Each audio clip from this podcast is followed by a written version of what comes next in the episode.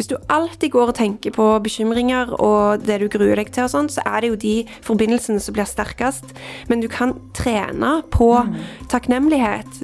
Ved f.eks. å skrive tre, tre ting du er takknemlig for hver dag, så kan det eh, bli, bli sakte, men sikkert mer en del av den du er. Sofie og Ingunn, det er en glede å ha dere i studio igjen. Dette er tre år på rad. Og eh, dere er da kommet for den årlige medarbeidersamtalen. og da snakker vi ikke om eh, hvordan det går på jobb og sånne trivielle ting, men rett og slett dere to som person. Fra A til Å, innerst til ytterst. Alle eh, aspekter av livet deres. Fordi dere to er Sølvbergets eh, store lesere av selvhjelpslitteratur. For å ta det viktigste først, da. Har dere blitt noen bedre mennesker i 2022 enn dere var for et år siden? Det har ikke jeg, i alle fall. Har du, Sofie? Jeg har begynt å bruke tanntråd. Eh, Det har vært et mål veldig lenge, eh, pinlig nok. Eh, Og eh, jeg går tur hver dag. Det vet jeg ikke hvor mye skyldes selvhjelpsbøker og hvor mye skyldes at jeg har fått hund, men, men ja.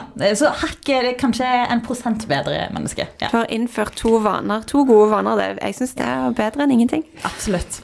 Jeg gikk ikke tur i dag, da, men det var fordi min mann hadde hjemmekontor. Så stort sett hver dag tur, eh, og hver dag tanntråd. Av og til bare én tann. Det skal vi sikkert snakke mer om senere.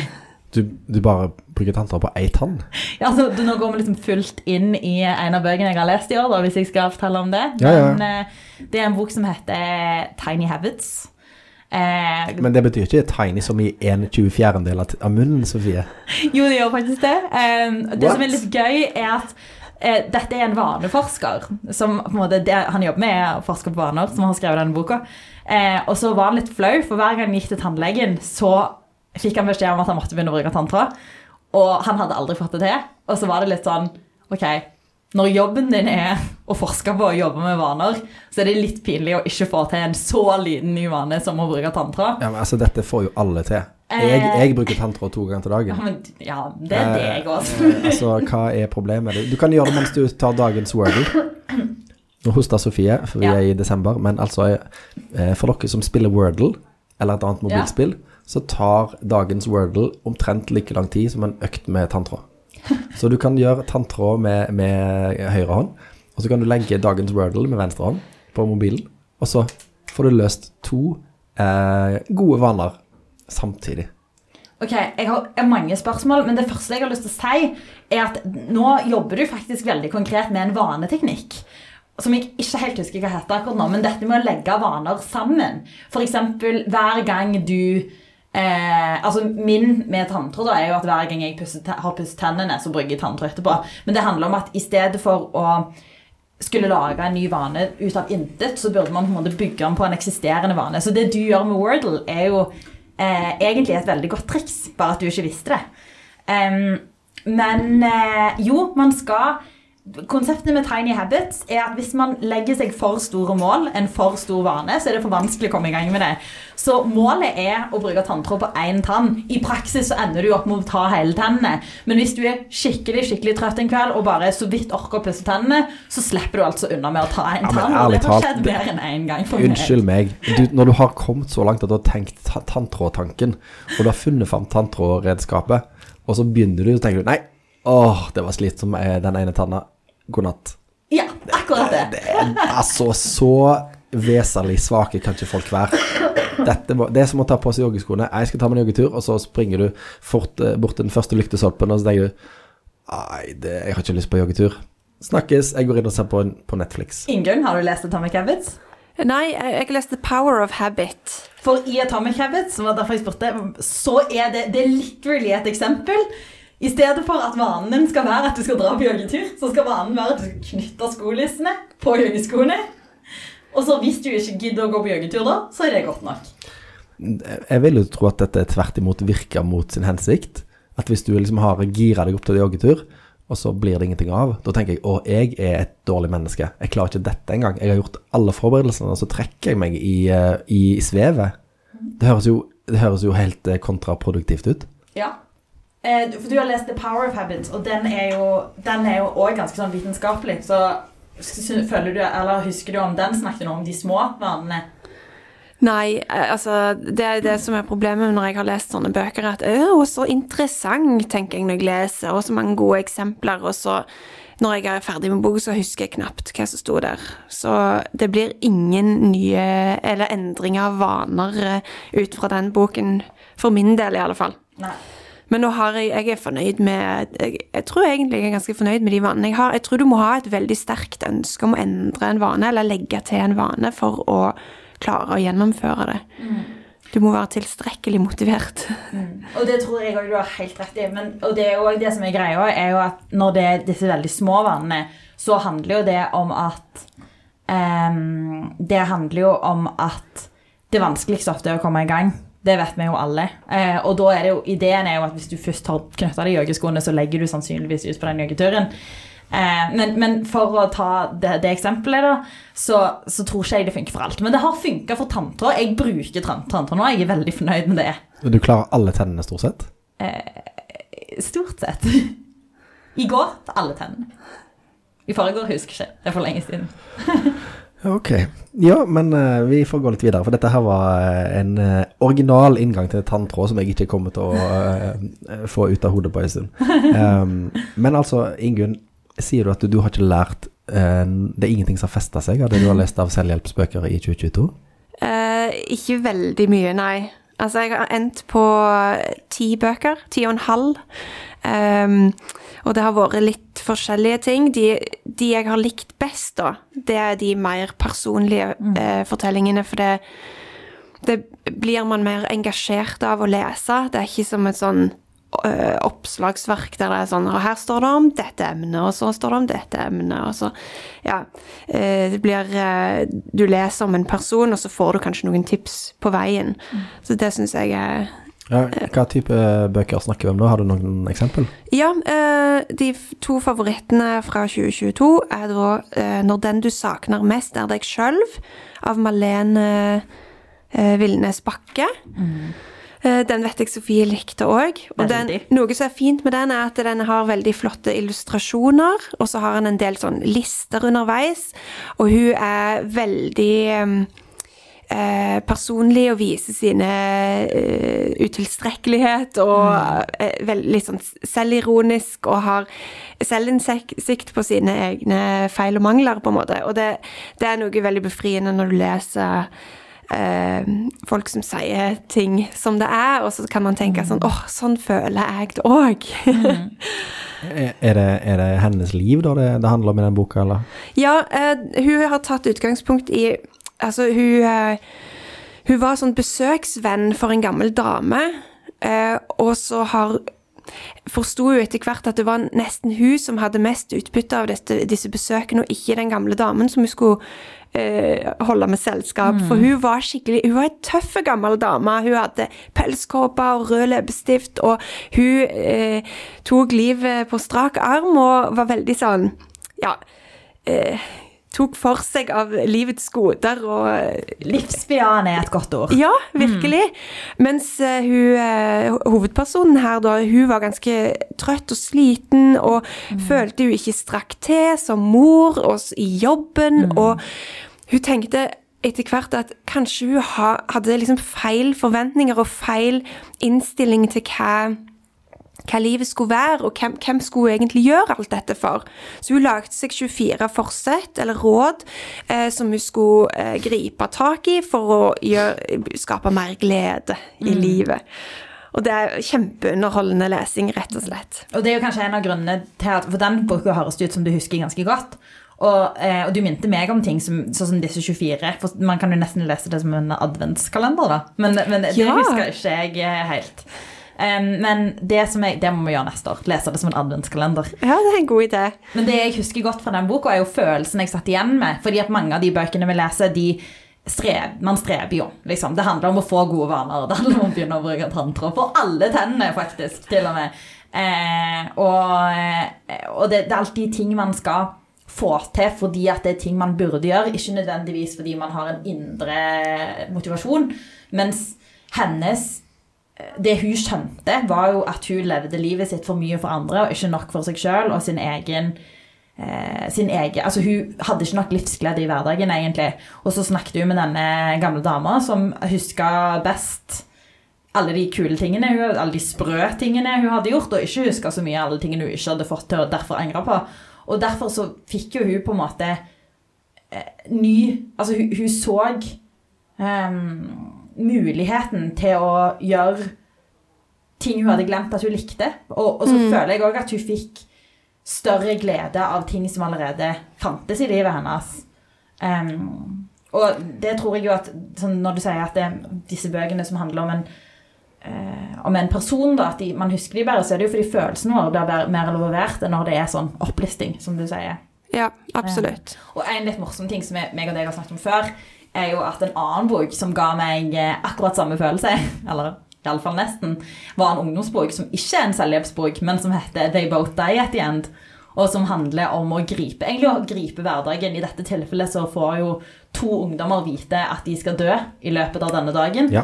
Og da må de jo plutselig eh, gjøre alle tingene de alltid har drømt om. Mm. Men det er litt samme type glede over livet du sitter igjen med etter du har lest de to bøkene. Ja, du må liksom tenke litt over hva det egentlig er viktig. Mm. Hvis man ble stilt for en sånn eh, ultimatum, på en måte, så, så, må man eh, vurdere ting på en helt annen måte. Og det er jo litt det hun gjør. Mm.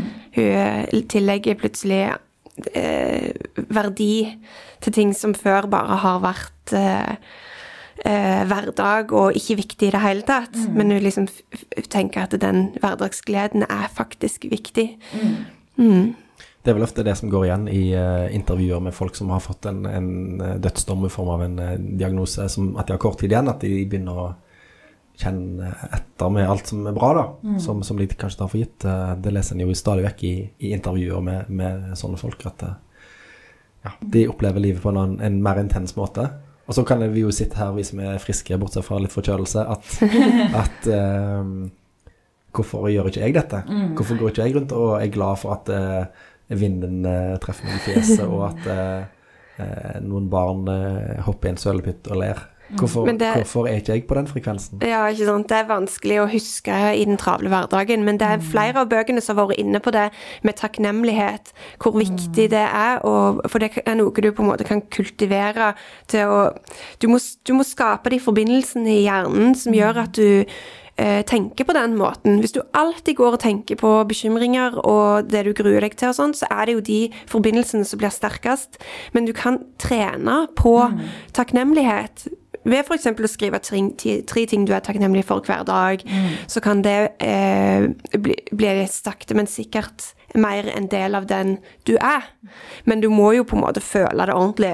De gangene jeg har prøvd, så har det bare blitt sånn Ja, ja, jeg, var, jeg er takknemlig for jeg er født i Norge. Takknemlig for at jeg har jobb. Og, men du, hvis du, du må nesten sette deg ned og tenke ordentlig og føle på det. Du må mm. kjenne på den følelsen. Så da er det nesten bedre at du skriver det, Å, jeg husker den der skikkelig gode første kaffekoppen i dag tidlig. Ja. Og så må du frembringe den følelsen, og så Ja. Så det mm. kan bli en bedre versjon av den takknemlighetsøvelsen, da. Det, det, vil sikkert føles veldig eh, merkelig når en gjør det de første gangene. Ja. Veldig sånn, litt sånn kleint. Ja. Du sitter der og skriver ting du er takknemlig for. Ja.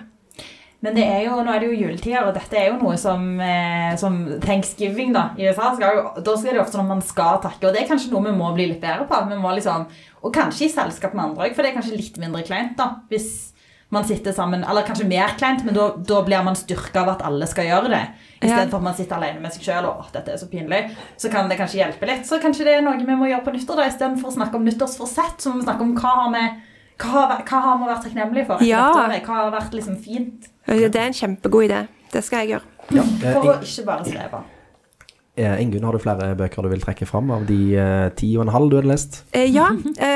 Jeg leste 'Redd deg selv først' av Lene Julsen. Som er ei dame som har Undertittelen er 'Historien om dama som ville bli hel ved'. Um, hun har en identitetskrise og havner i en dyp depresjon. Uh, den er eh, mye mørkere enn eh, når den du savner mest, er deg sjøl. Men eh, den er òg veldig interessant. Du følger hennes eh, tanker og følelser om eh, hvordan ting har blitt, når hun først har gått på den smellen og eh, må forholde seg til dette her, og hvordan andre folk eh, dømmer hun på en måte ut fra hvordan, hun, eh, hvordan det er og sånn. Eh, og så havner hun oppi et eh, mindfulness-kurs. Så da lærer vi jo om mindfulness via hennes erfaringer av dette, og hennes møte med en av de Nå har jeg glemt hva han heter, men en, som, som har drevet mye med mindfulness, da. Og hun har fine samtaler med han. Så den syns jeg var en eh, fin inngang til mindfulness-tema. som jeg har prøvd å lese om før, men som jeg òg heller ikke har praktisert noe særlig. Du, du gir ikke opp, Ingunn. Det er bra. i hvert fall. Nei. Du, eh, en dag så finner du ei en bok som endrer alt. Ja. Ja. Jeg merker jo at det, Dette er en bok jeg ikke husker så mye fra, men jeg har ikke lest den, og jeg, jeg likte den veldig godt.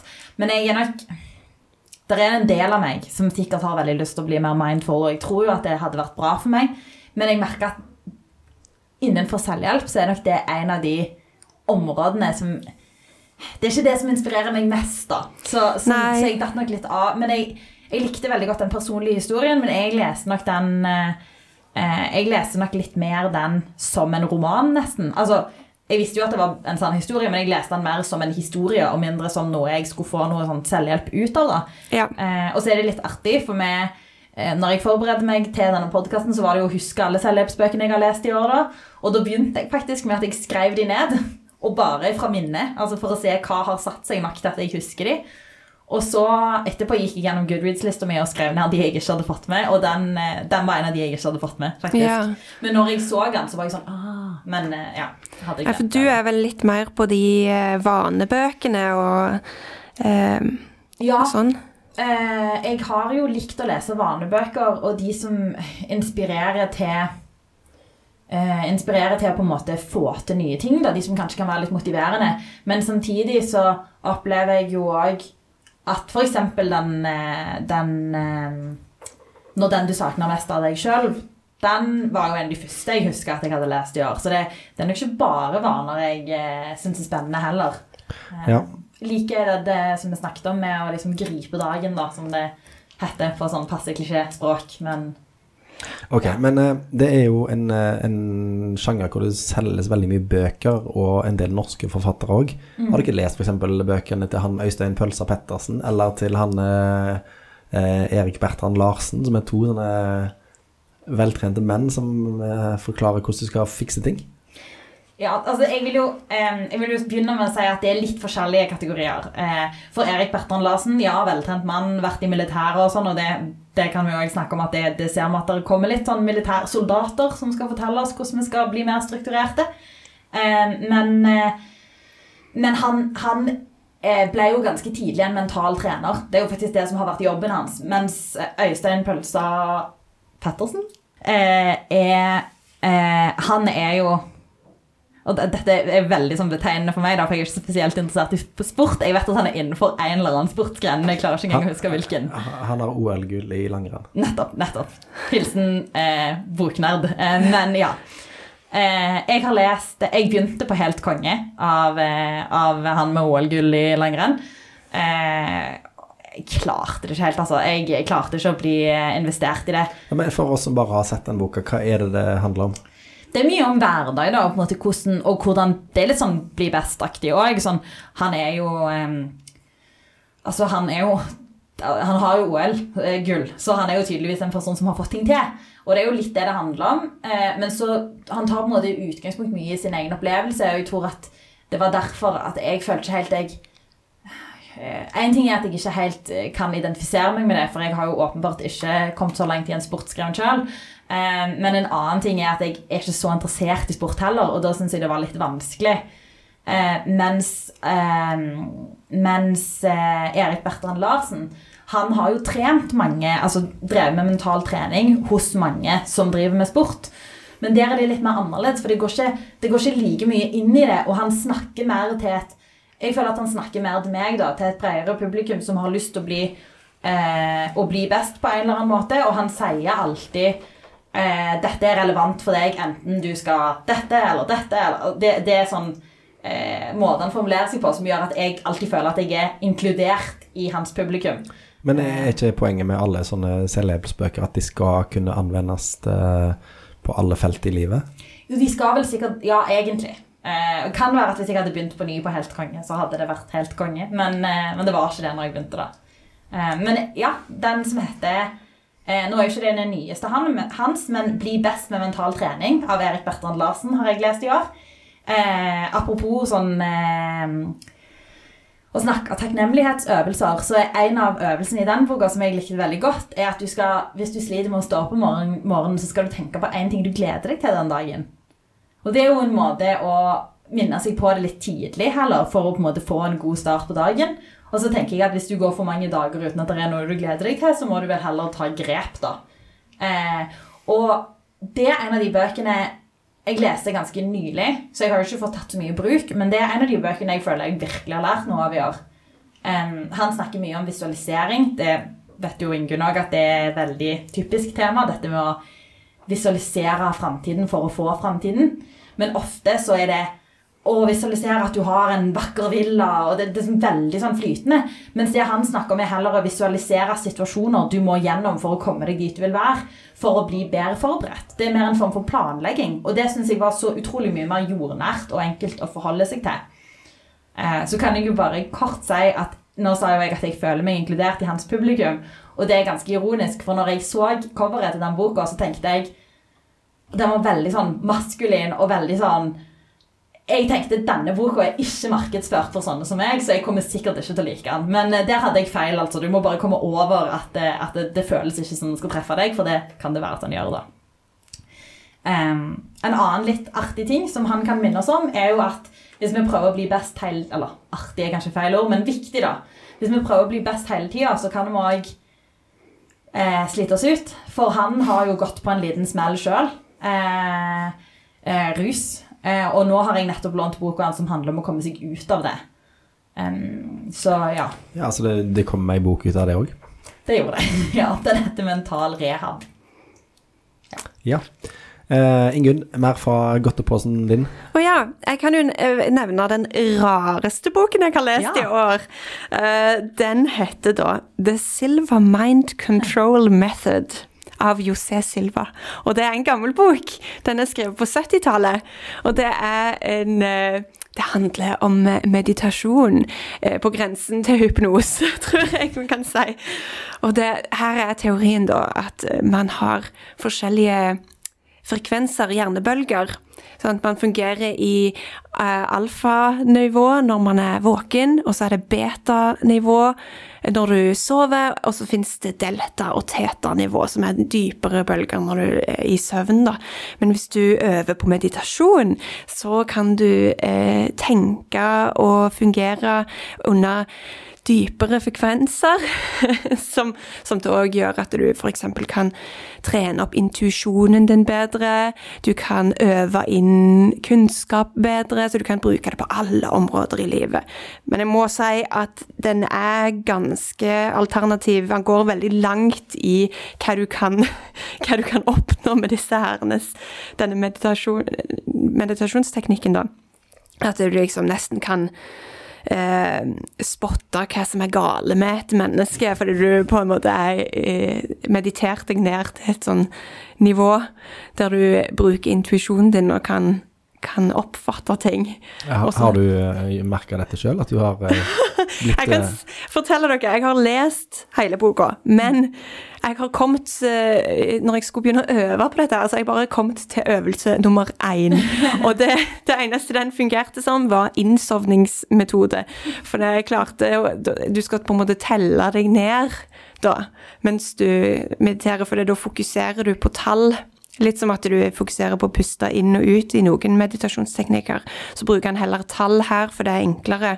Skal telle baklengs. Men jeg bare sovna. men det funka veldig fint som innsovningsmetode. da. Kanskje jeg mediterte i typ tre minutter til jeg sovna, da. Så det er jo bedre enn ingenting, tenker jeg. Og så var det veldig underholdende lesing. Jeg var veldig nysgjerrig på dette her. Så hvis noen vil øve i, i sammen som en gruppe, så, så, kanskje man kunne kommet litt lenger. Litt vanskelig å gjøre det aleine.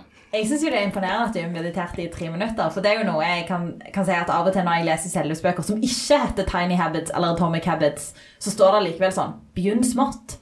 Hvis du skal begynne å meditere, start med fem til ti minutter. Og så er det sånn, Ja. Å meditere i fem til ti minutter er kjempevanskelig.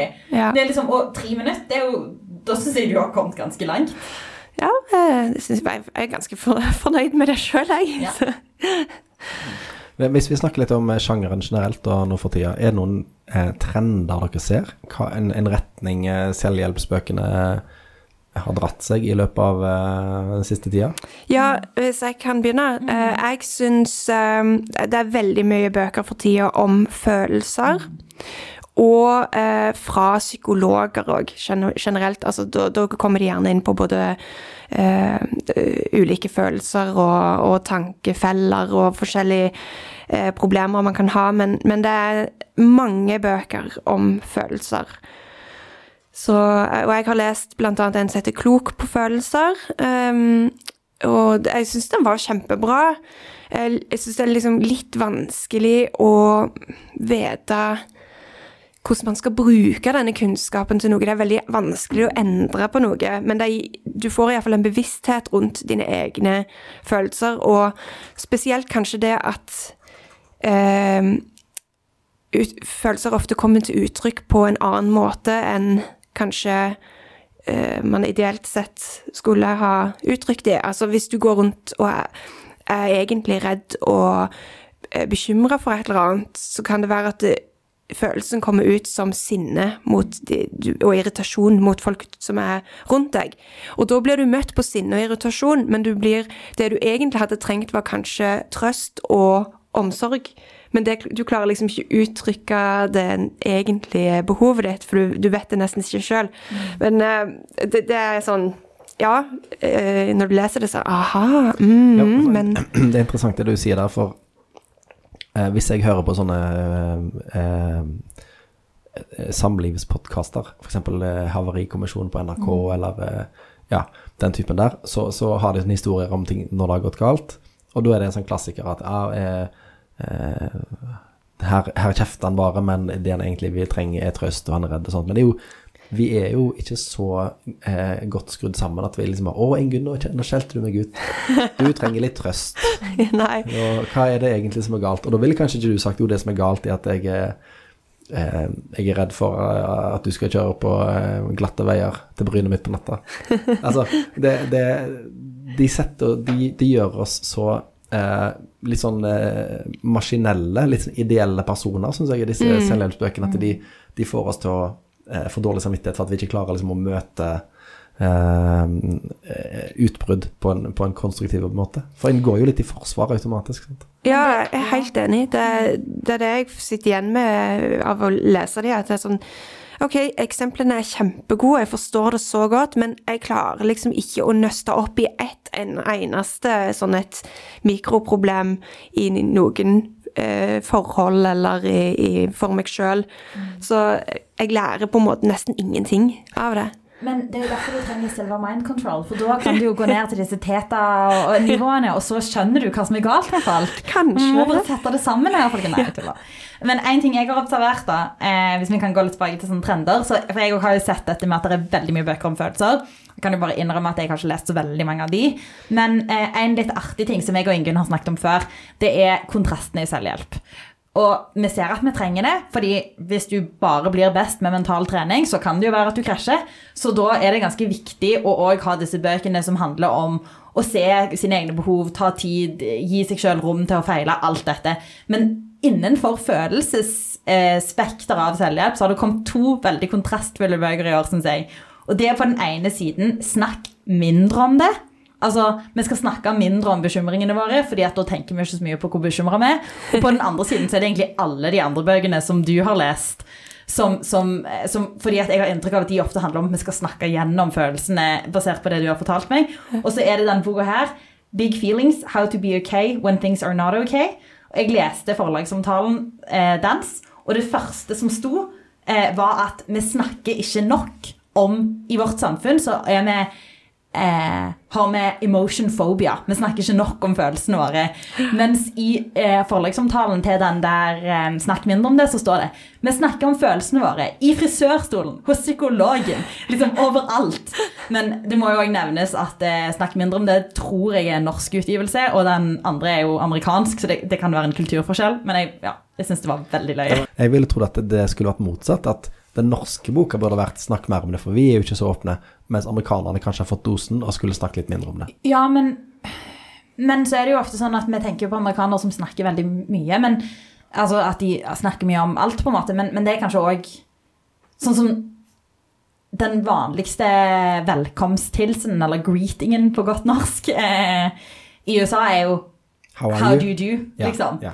Men det er jo ikke ektefølt. Det er jo ikke sånn at hvis, hvis du hadde kommet til meg som kollega og spurt how do you do på den måten, og jeg hadde sagt Nei, jeg er totalt Altså, jeg, er, jeg har et mentalt sammenbrudd akkurat nå, så hadde jo ikke du liksom Du hadde jo, du hadde jo blitt sjokkert. Det var jo ikke det så Du forventa jo bare at jeg skulle si I'm fine. How about you? Ja. Eller til og med at jeg bare skulle si how do you do tilbake uten å svare. Ja, nei, vi forveksler kanskje pratsomhet med, med inderlighet, på en måte. Ja. Um, det, det er en bok som jeg alltid kommer tilbake til, som heter uh, The Italians, av en som heter noe jeg ikke kommer på.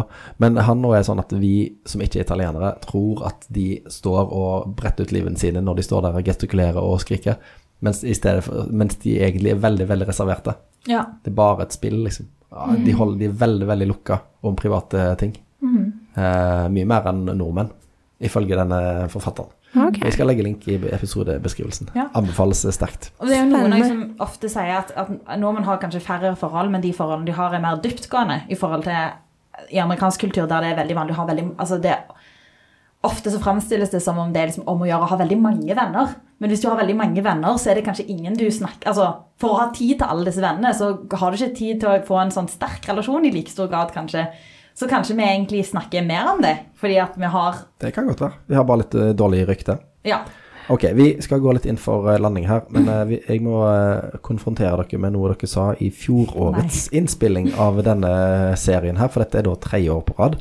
Dette er på en måte Sølvbergets svar på Grevinnen og hovmesteren. At vi sitter her eh, før jul, eh, rundt jul, og, og oppsummerer året. Men en av eh, veiene til lykke er jo å jobbe mot et mål. Det var en av hennes edle sannheter. eller noe sånt, At man, eh, man må på en måte jobbe mot et eller annet. Man må utfordre seg sjøl. Og en av tingene hun finner ut i Lykkeprosjektet, er jo at å ha ha- Jeg tror det er en halvannen time ganger tre i løpet av en uke med ordentlig fordypning. Og da snakker man liksom vekk med Facebook, ingen avbrytelser. Helt å fordype seg og komme i flyten, da. At det skal være veldig bra for psyken, og da for å være lykkelig. Det er et slags mål for 2022, da, å bli litt flinkere til å sette av tid til fordypning. Ja, det er interessant. Jeg tror kanskje den der flytsonen, det er litt sånn Når man har kommet godt i gang med jogging, så havner man i flytsonen. Det Ikke så, ikke så mye at man kan springe maraton, altså, altså, og ikke en og en halv time kanskje, men, men eh, det er litt den følelsen når man kan eh, løpe en halvtime, time, og bare være i det. Helt og ikke sant. tenke på alt mulig annet. Så kanskje det er løsningen på hele lykkekrigen, faktisk. Flytsonen. Ja, hør da, ja. Det var to eh, optimistiske unge kvinner fra slutten av 2021 som eh, var jeg veldig enige om at fordypning, det skulle det bli mye av i 2022 tre ganger en og en halv time eh, økter med Ingen Facebook, ingen sosiale medier. Da skulle det kun fordype seg i et eller annet eh, sjelestyrkende greier. Eh, har dette skjedd, Sofie? Nei. um, men hvis jeg kan utdype Jeg tror fortsatt på det, egentlig. Eh, jeg, nå er jeg offentlig, sier jeg det igjen. Jeg har et nytt mål for 2023 som går på mye av det samme. Jeg vet ikke om det blir 1 12 time ganger 3 men en av bøkene jeg har lest i år som jeg har likt best, er eh, en som heter Borden Brilliant. Og den handler òg om å eh, ta pauser fra all sånn stimuli. At man faktisk trenger Det, det er på en måte eh, veldig menneskelig å kjede seg. Og det er ganske kult at vi kan kjede oss. Em, selv om det er jo ikke så gøy, men det er bra fordi at man, eh, man blir stimulert av kjedsomhet. Man må komme på ting, man jobber gjennom ting. Så ikke alltid høre på podkast eller musikk eller sånn hver gang man har et ledig øyeblikk. Eh, det skal jeg teste litt ut. Et av stegene der er òg å skru av sosiale medier, så da sier jeg vel det en gang til. Um, og så har jeg planer om å lese en bok som heter Flow neste år, da, som handler om å finne flytsonen. Du skal lese en bok om flyt, men du vet jo godt hva som skal til, Sofie. Det er tre ganger en og en halv time med flyt. Ja, ja. Kanskje jeg bare skal begynne, da. Ingunn, har du hatt noe flyt å skryte av i året som har gått? Nei, dette hadde jeg glemt. Det er litt pinlig. Men jeg har jo jogga litt i løpet av året, så jeg, da har jeg vel vært i flytsonen eh, de halvtimene de joggeturene har vært. Og så har jeg jo faktisk fått lest eh, Jeg hadde et mål om 50 bøker. Jeg har lest eh, 40 ca.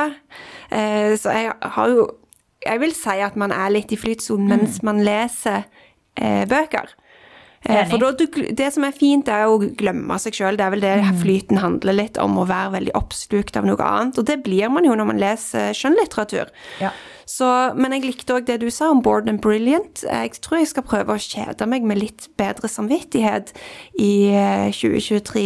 At ikke alltid trenger å være All tid skal brukes konstruktivt, på en måte. At det kan faktisk være eh, vel så bra og Da har vi naila ditt mål, Ingunn. Elmer eh, kjede seg med god samvittighet. Sofie, du skal lese om flyt. Nei, jeg skal, jeg skal finne flyt, da. Men jeg tror jeg må lese om det først, fordi at det pleier å hjelpe meg. Og så skal jeg kjede meg, men det viktige når jeg skal kjede meg, er at jeg ikke skal eh, scrolle. Jo, da går det imot det som Warden Brilliant sier. En annen ting vi har snakket om, Sofie, er jo at vi skal eh, ha en mer eh, strukturert plan over hvilke bøker vi skal lese. For det at begge vi har vært litt til tider nesten deprimert over at vi ikke får lest alt vi har lyst til å lese. Vi er jo omgitt av fristelser her på biblioteket. Det kommer ut så utrolig mye bøker innen ekstremt mange sjangere, og vi vil jo lese litt av alt. Vi vil jo lese både fag og skjønn, og for barn og ungdom og voksne, og det blir liksom bare små drypp av eh, alt som du rekker å lese. Så det, jeg tror det vil hjelpe å ha en sånn eh, litt mer strengere plan over Ok, jeg, skal, jeg kan bare ha disse fem bøkene i måneden, eller kanskje litt mer, da, men eh, Og også, som jeg snakket om, et av problemene våre, og det tror jeg virkelig handler om flyt, på ekte, eh, er at eh, jeg begynner, og jeg kan eksempel til og med Board Brilliant, som jeg sa var en av favorittene i år, ikke helt ferdig med den. For meg, en av tingene, Og jeg skal høre den ferdig, altså. Men en av tingene jeg gjør, er at jeg begynner på liksom tolv bøker, og så har jeg lest de første 50 sidene av alle tolv. Og så må jeg liksom gradvis lese ferdig alle. Så en ting med å komme i flytsonen, lese én bok om gangen. Eller maks tre. Istedenfor tolv. En opplevelse som ligner på det dere snakket om med, med å høre på podkast og sånn. Altså, i, I sommer så gikk jeg en fjelltur i tre hele dager inn i Ryfylke eh, alene. Og når jeg eh, skulle gjøre det, så var det to ting folk spurte om. Det var ene var Hæ, skal du gå alene? Og så var det B. Eh, hva skal du høre på underveis? Folk tok det for gitt at jeg skulle høre på podkast eller noe sånt når jeg gikk eh, fra Hjelmeland til Lysebotn. Som jeg jo ikke gjorde. Men, eh, så det, det, hvordan det der har bare blitt på en måte innprenta i oss, at mm. ørene skal fylles med et eller annet, eller hodet skal fylles med et eller annet eh, annet enn det som er rundt oss. Det er, har gått veldig fort. Altså, Walkman er ikke mer enn 40 år gammel. Og, og eh, MP3-spilleren er 25 år gammel, og iPaden er 15 år gammel. Men hvis du Eh, iPhone, mener jeg. Mm. Men jeg, og jeg er 28 år gammel, så jeg har aldri levd uten de tingene. Nei. Så for meg er det, det er helt Og det samme gjelder jo Ingunn. Du har altså, Walkman har eksistert lenger enn du har. Så, eh, men det jeg har begynt å gjøre, er at når jeg går tur med hunden min, eh, stort sett hver morgen, så hører jeg ikke på lyd. Da er det bare meg og han. Og jeg. Ja. jeg føler at det, det har gjort noe. Mm. Jeg er litt eh, roligere når jeg kommer på jobb, på en måte. Jeg, vi kan, jeg kan avrunde med et, et flyt, leseflyttips til, Ja. til dere og til alle som hører på. Det er å bare godta at du ikke får lest uh, alt, men heller uh, gå skikkelig i dybden på én ting, da. Ja. Altså, jeg har jo hatt sånne prosjekter før hvor jeg har lest alle av Jane Austen, og alle av Roy Jacobsen, og alle av Vigdis Hjorth, og alt av Nick Hornby. Eh, og nå, på, nå har jeg begynt på Margaret Atwood. Begynte med den eldste, og skal lese meg fram til vår tid. Uh, og da er det veldig sånn, da slipper jeg å tenke på uh, hva skulle jeg lest nå. Hvis jeg er i tvil, så leser jeg bare den neste Margaret Atwood-boka. Så leser jeg jo andre ting innimellom, men, men det er på en måte en vei som er lagt, da. Men det er en måte å få, få senka skuldrene litt når det gjelder hva får en lest og ikke. det er veldig vanskelig å velge, da. Ja, men når du har valgt, så er, på en måte, så er det neste halve året og vel så det er planlagt når det gjelder Ja, det var en Bøker. veldig interessant eh, lesestrategi.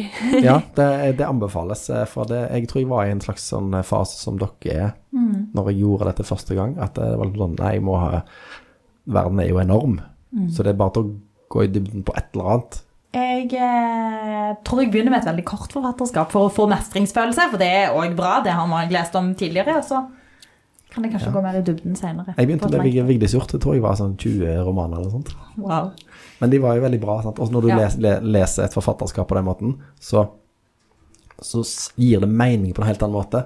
Da ser du hvordan, forfatt, hvordan ei bok er en reaksjon på den forrige. Sant? Etter ei trist bok kommer det en komedie, og så kommer det kanskje en familiebok, og så kommer det eh, noe fjas igjen. Altså, og hvordan motiv og, og stil og alt bare utvikler seg. Da, da kan vi følge et, et, eh, et barn fra det er nyfødt til det blir eh, voksent. eh, Bare i form av bøkene som skrives. Sikkert bra for sånne forfatterspirer sånn som meg å lese Ja, utviklingen. det, det tror jeg det. Så denne Atwood-lesingen kommer da som, eh, som podkast på slutten av sommeren, tenker jeg. Veldig gøy. Jeg må rekke å lese Ja, det gleder jeg meg til å høre. Ja. ja. Uh, ellers uh, har dere noen Hvis dere skal gi ett råd til uh, lytterne nå om Hva de skal lese? hva skal de lese for å, å, å ta tak i livet sitt? Nei, ja, Min favoritt var jo 'Når den du savner mest er deg sjøl'. Og den tror jeg òg kunne vært et kjempebra julegavetips til veldig mange kvinner spesielt. Og kanskje småbarnsmødre òg. ja. Eh, jeg vil på en måte si to, for det er en vi ikke har kommet inn på, som vi begge likte veldig godt. Og det er hvis du vil ha en sånn generell innføring i dette er selvhjelp, dette er liksom mange forskjellige retninger og ja, rask intro, så må du lese Litt lykkeligere av Sara Lossius. Har hun et navn til? Nei, Sara Lossius, ja, hun har òg en, en podkast, Ingefær-podkast. Ja.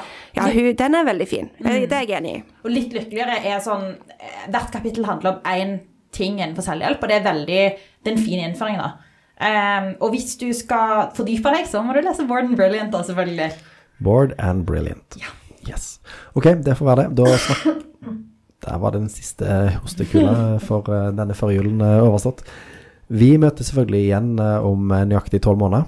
Da skal dere ha gjort alt dere har eh, ønsket og planlagt, eh, eh, så dere ikke fikk gjort i år. Det skal gjøres i 2023, og litt til. Ja. Er vi enige om det? Skal gjøre et eh, forsøk. Det må jeg jo. Så bra. Snakkes.